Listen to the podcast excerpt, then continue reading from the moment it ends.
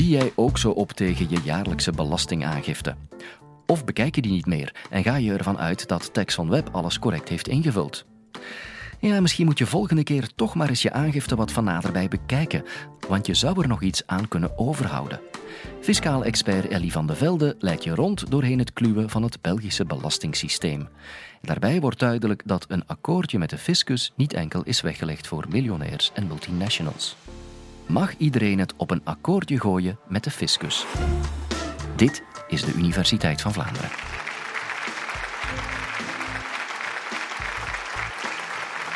Voelt u de stress ook al opkomen wanneer de periode weer aanbreekt om uw zogenaamde belastingbrief in te vullen?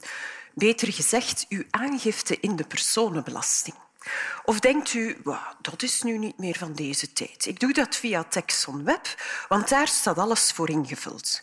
Maar bent u zeker dat alles wel voor ingevuld staat en dat u best niet nog eens nakijkt of er gebeurtenissen waren in 2018 bijvoorbeeld die u misschien best invult, omdat u er belastingen op moet betalen of omdat u ze in mindering kan brengen van uw inkomsten? Stel u heeft een werkgever en die heeft een grote klant binnengehaald. En die zegt, ik ga mijn werknemers trakteren. Ik ga die trakteren met een tablet of met een fiets. Dat geef ik cadeau. Maar stel dat u nu zo'n cadeau krijgt, heeft u zich al afgevraagd of dat u daar belastingen op gaat moeten betalen en of dat u dat dus moet invullen in die aangifte. Of nog, er staat bij uw werkgever als tussendoortje een fruitmand, gratis ter uw beschikking. Moet u daar belastingen op betalen? Misschien niet, maar wat met een mand met noten en pitten en zaden die apart verpakt zijn? Het klinkt misschien absurd, maar daar bestaat geen zekerheid over of dat u daar geen belastingen op moet betalen. Of dat dat misschien een voordeel alle aard is, zoals uw gsm of uw bedrijfswagen, waar u belastingen op moet betalen. Stel, u heeft in 2018 een hond in huis gehaald. Ja, want sindsdien oefent u een bijberoep uit. En ja, er staat nu wat dure apparatuur bij u in de woning. En u dacht, een hond, dat komt wel van pas. Wel, dan loont het misschien ook de moeite om erover na te denken of dat u de kosten voor uw hond in mindering kan brengen van de inkomsten van dat bijberoep. Toch mooi om over na te denken. En wie zou met al deze vragen eens telefoneren naar het nummer dat hier op een voorbereidingsformulier staat? En dan komt u uit bij het contactcentrum van de FOD Financiën. Of meer nog, naar uw belastinginspecteur zelf om een afspraak te maken. Dacht u dat dat niets voor u was? Dacht u dat dat enkel iets is voor multinationals? Of nog erger, misschien voor fraudeurs die het gauw op een akkoordje gooien met de fiscus om een zaak af te kopen? Wel nee, natuurlijk niet. Dus ik ga u proberen tonen wat u als particulier, durver of niet, kan doen. Er is een tijdlijn. Een tijdlijn van wat er met onze inkomsten van 2018 in de personenbelasting allemaal gebeurt. Er is het inkomstenjaar 2018. En om middernacht, op 31 december 2018, klinken wij allemaal op het nieuwe jaar. Maar ook de fiscus.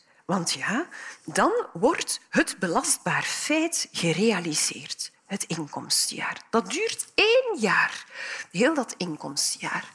En dan start het aanslagjaar 2019. En dat is het jaar waarin al die inkomsten verwerkt worden. En waarin wij zelf zo ongeveer rond 30 juni van dat jaar als u met een boekhouder werkt, kan het nog wat later.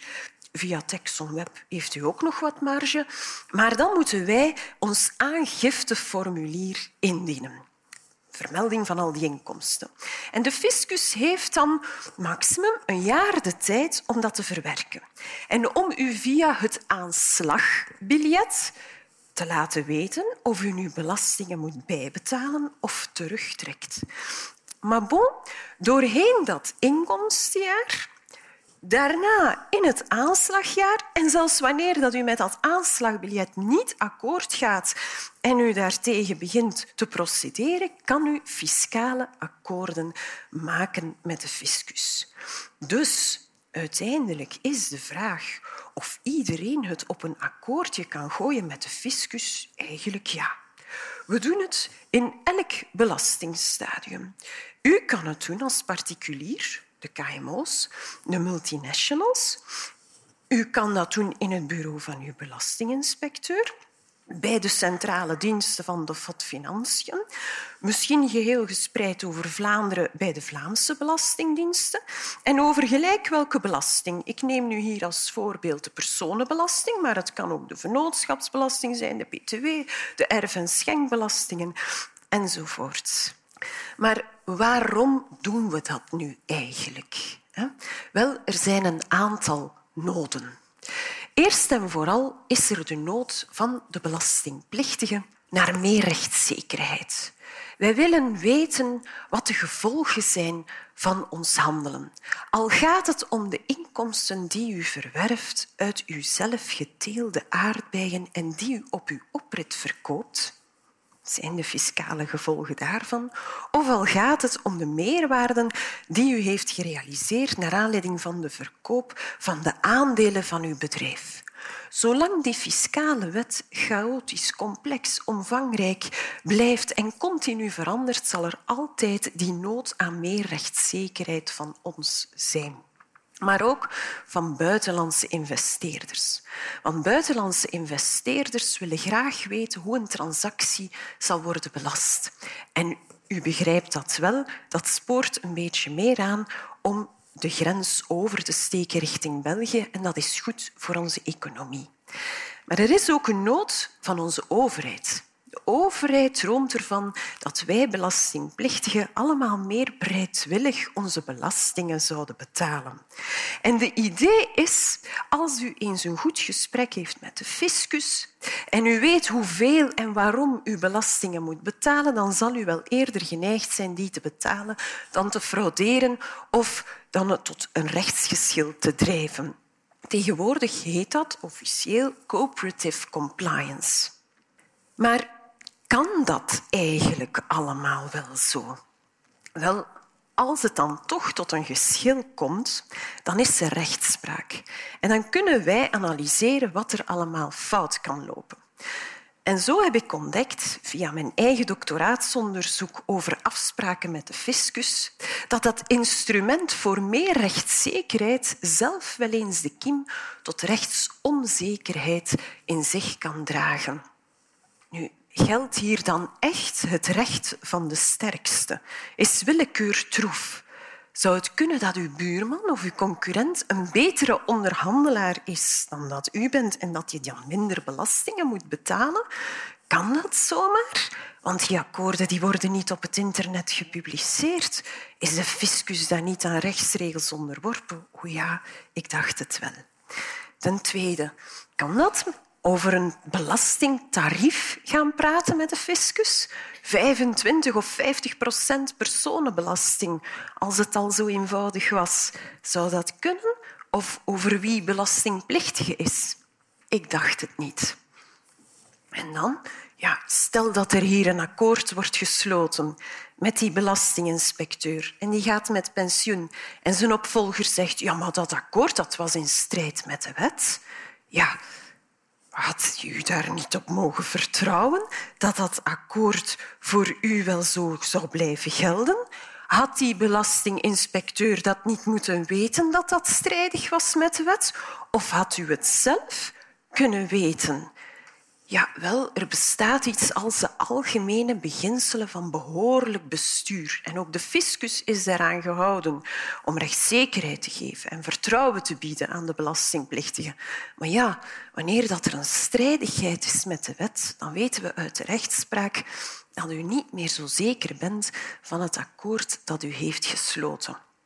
En tot slot vraagt u zich misschien af, ja maar kan de fiscus de belastingplichtige eigenlijk wel forceren om over te gaan tot een akkoord? Kan men bijvoorbeeld in volle café aan een café-uitbater een voorstel tot akkoord voorleggen en die laten ondertekenen? Wel, zei de rechter, nee, want dan is er een gebrek in de toestemming. En dat is maar best ook, want wij leven uiteraard in een rechtsstaat. En in die rechtsstaat zijn zowel fiscus als belastingplichtigen aan rechtsregels onderworpen. Dus binnen een zeker afdwingbaar juridisch kader kan er een afspraak worden gemaakt met de fiscus. En dat kader ja, dat bevindt zich zowel op het Europese niveau als in onze grondwet en op het nationale niveau. Het Europees verbod op fiscale staatssteun, wat betekent dat?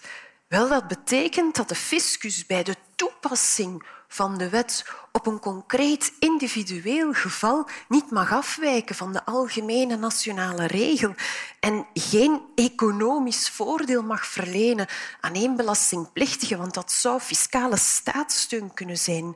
En de Europese Commissie kan daar dan onderzoek naar doen of dat, dat wel kon of niet. En een multinational bijvoorbeeld kan dan verplicht worden om die voordelen die men heeft genoten aan de staat terug te betalen. Als u het nieuws volgt, weet u dat er zo'n aantal onderzoeken lopende zijn en zijn afgesloten in het Hof van Justitie dat nu onderzoekt wie er gelijk heeft, Europese Commissie of de Staten. Tweede grens, tweede element van dat kader is ons zogenaamd legaliteitsbeginsel. Het legaliteitsbeginsel betekent dat geen belasting in ons land mag worden ingevoerd, maar ook geen vermindering of vrijstelling van belasting mag worden gegeven dan door een democratisch verkozen orgaan. Dat is onze wetgever, het parlement. En dat is niet de fiscus. Dus de fiscus die mag wel de wet interpreteren zoals wetgever het heeft bedoeld en toepassen op een concreet geval, maar die mag niet een essentieel element van de belasting zelf gaan aanpassen. En dat is bijvoorbeeld het tarief of wie belastingplichtige is. Dus aanpassen kan niet, toepassen wel. Wat ook niet kan, is dat ja, de fiscus een onverantwoord onderscheid zou maken tussen de belastingplichtige onderling. Of een vermindering aan u geven en een vrijstelling aan u, dat gaat niet. Dus het idee van de buurman die in dezelfde feitelijke context als u zit en een andere afspraak krijgt, dat zou niet mogen gebeuren. Natuurlijk, hoe ruimer en hoe vager die fiscale wet is geformuleerd, hoe meer dat beginsel in het oog moet worden gehouden dat er geen onverantwoord onderscheid wordt gemaakt tussen belastingplichtigen. En tot slot wordt onze fiscale wet van openbare orde toch de meeste regels. En wat betekent dat? Dat betekent dat het fiscaal recht dermate belangrijk is voor de schatkist dat er niet bij overeenkomst mag van worden afgeweken. Dus ja, een overeenkomst sluiten, dat kan, zolang men niet tegen die regels van openbare orde ingaat. Dus ja, is dat nu een beroepskost of een kost eigen aan de werkgever, een voordeel alle aard, is dat een beroepsinkomen of een divers inkomen, dat kan allemaal besproken worden. Dus wanneer dat u met uw belastinginspecteur gaat spreken, moet dat gebeuren binnen dat juridisch kader weet wel dat die akkoorden met uw belastinginspecteur dat die niet worden gepubliceerd, dat u dat moeilijk kan controleren of dat dat wettelijk juridisch kader wordt nageleefd, dat daar ook geen te volgen procedure is. U kan zich nu eigenlijk in uw hoofd de bedenking maken, ja, maar zo erg is dat toch niet als ik dat akkoord dan heb gekregen en een ander weet dat niet. Dat kan in uw voordeel uitdraaien, maar het kan ook dat de fiscus bij hoog en bij laag bijvoorbeeld blijft beweren dat uw 65-plus inwonende ouders door de omstandigheden bij u thuis niet ten uw fiscale lasten kunnen worden beschouwd. En u heeft dat gezien dat dat bij uw vriendin wel het geval was. Ja, wat dan? Wel, er is een nieuwe tijdlijn, want sinds 2005 al bestaat er in Brussel één federale fiscale rulingdienst. Dat is één dienst binnen de FOD Financiën die voor iedereen, van student tot gepensioneerde, van particulier tot KMO tot multinational is voor iedereen vrij toegankelijk, gratis, en waarbij u terecht kan om uw vragen te stellen over uw inkomsten van 2018. U heeft inkomsten verworven, weet niet hoe de fiscale wet erop van toepassing wordt verklaard. U heeft kosten gemaakt. U vraagt zich af, zijn dat nu aftrekbare beroepskosten? Wel, voordat u uw aangifteformulier invult of de check doet op Texon Web, voor dat moment kan u een ruling of een fiscale afspraak op papier verkrijgen bij die dienst. En daarin staat hoe de fiscale wet op uw situatie, geen hypothetisch geval, maar echt uw concreet geval, zal worden toegepast. Het bijzondere is dat die ruling bindend is voor de hele FOD Financiën. Dus ook voor uw belastinginspecteur of controleur. U kan dat dus achteraf bij een controle voorleggen. Ik heb dat op die manier ingevuld in mijn aangifte, want ik heb een ruling verkregen. Een mailtje volstaat. Doorlooptijd wel vanaf dat mailtje van een drie, viertal maanden. Afhankelijk wel van uw complexiteit kan het ook wel veel sneller gaan. De vraag kan heel complex zijn. Maar bon, dat individueel akkoord wordt daarna, en u kan dat dus eens gaan checken, wordt daarna op de website van de fiscus, uiteraard anoniem, en samengevat gepubliceerd. En wordt ook nog eens opgenomen in een jaarverslag waarin de belangrijke rulings staan, waarin de geweigerde rulings staan enzovoort. Dus dat werkt bijzonder transparant. Zolang het maar gaat om belastingen die federaal worden geïnd, zoals personenbelasting, vennootschapsbelasting, btw, niet langer registratie um, of schenk- en erfbelastingen. Daarvoor is het Vlaamse gewest bevoegd geworden. Denkt u nu, daar heb ik nu eigenlijk toch nog nooit van gehoord. Worden er zo wel eens rulings afgeleverd? Ja, meer dan duizend per jaar. En dat stijgt nog ieder jaar aanzienlijk. Minder dan de helft van de rulings worden afgeleverd aan multinationals. Ongeveer een vijfde aan de particulieren en iets minder dan een derde aan de KMO's.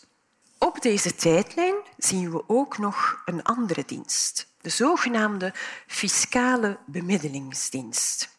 En die treedt later op. Dus u heeft uw aanslagbiljet gekregen. U weet bijvoorbeeld dat u belastingen moet betalen. U gaat daar niet mee akkoord en u tekent bezwaar aan. En in die fase is het ook mogelijk om met uw belastinginspecteur en een fiscaal bemiddelaar rond de tafel te gaan zitten en te bespreken en misschien tot een akkoord te komen. Zelfs bij de invordering van belastingen, wanneer dat u misschien een afbetalingsplan nodig heeft, kan u bij die fiscale bemiddelingsdienst terecht. En als ik nu terugkeer naar onze eerste prangende fiscale vragen over de iPad of de fiets die u van uw werkgever cadeau kreeg, wel, dan zien we in de gepubliceerde rulings dat die rulingdienst heeft geoordeeld dat cadeaus tot een waarde van 500 euro belastingvrij zijn dat u daar geen belastingen op moet betalen.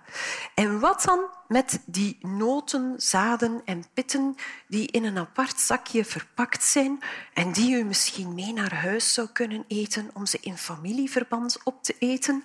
in plaats van een fruitschaal, wel zij die roelingdienst fruitschaal of een zakje noten en pitten, dat maakt niet uit. Ook een sociaal voordeel belastingvrij en zelfs een aftrekbare beroepskost voor de werkgever. En ook over de waakhond is er vooraf, voor het invullen van de aangifte, zekerheid gegeven aan zijn baasje, want de rulingdienst zei een aftrekbare beroepskost, uiteraard, dat geldt voor alles, zolang als die feitelijke omstandigheden hetzelfde blijven als bij de aanvraag van die ruling, met dat bijberoep en dat duur materiaal enzovoort. Maar de aanschaffingskost, de kosten van de dierenarts, de kosten van de voeding van de inrichting van het hondenverblijf, ja, die waren als beroepskost fiscaal aftrekbaar. Ja, en uiteindelijk is dan de vraag, kan iedereen het op een akkoordje gooien met de fiscus? Wel, wanneer dat u nog eens de stress voelt opkomen bij het invullen van uw aangifte in de personenbelasting en u vraagt zich af, die opleiding die ik s'avonds volg, is dat nu een aftrekbare beroepskost of niet? Nu weet u tenminste dat er een dienst bestaat die u vooraf rechtszekerheid kan bieden via een ruling die u netjes aan uw belastinginspecteur kan voorleggen. Uiteraard ben je nu heel blij dat ook jij kan onderhandelen met de fiscus. Wat zeg je? Je wilt dat goede nieuws delen met je vrienden en familie, zodat ook zij hun voordeel kunnen slaan? Wel, dat kan heel eenvoudig door deze podcast gewoon te delen.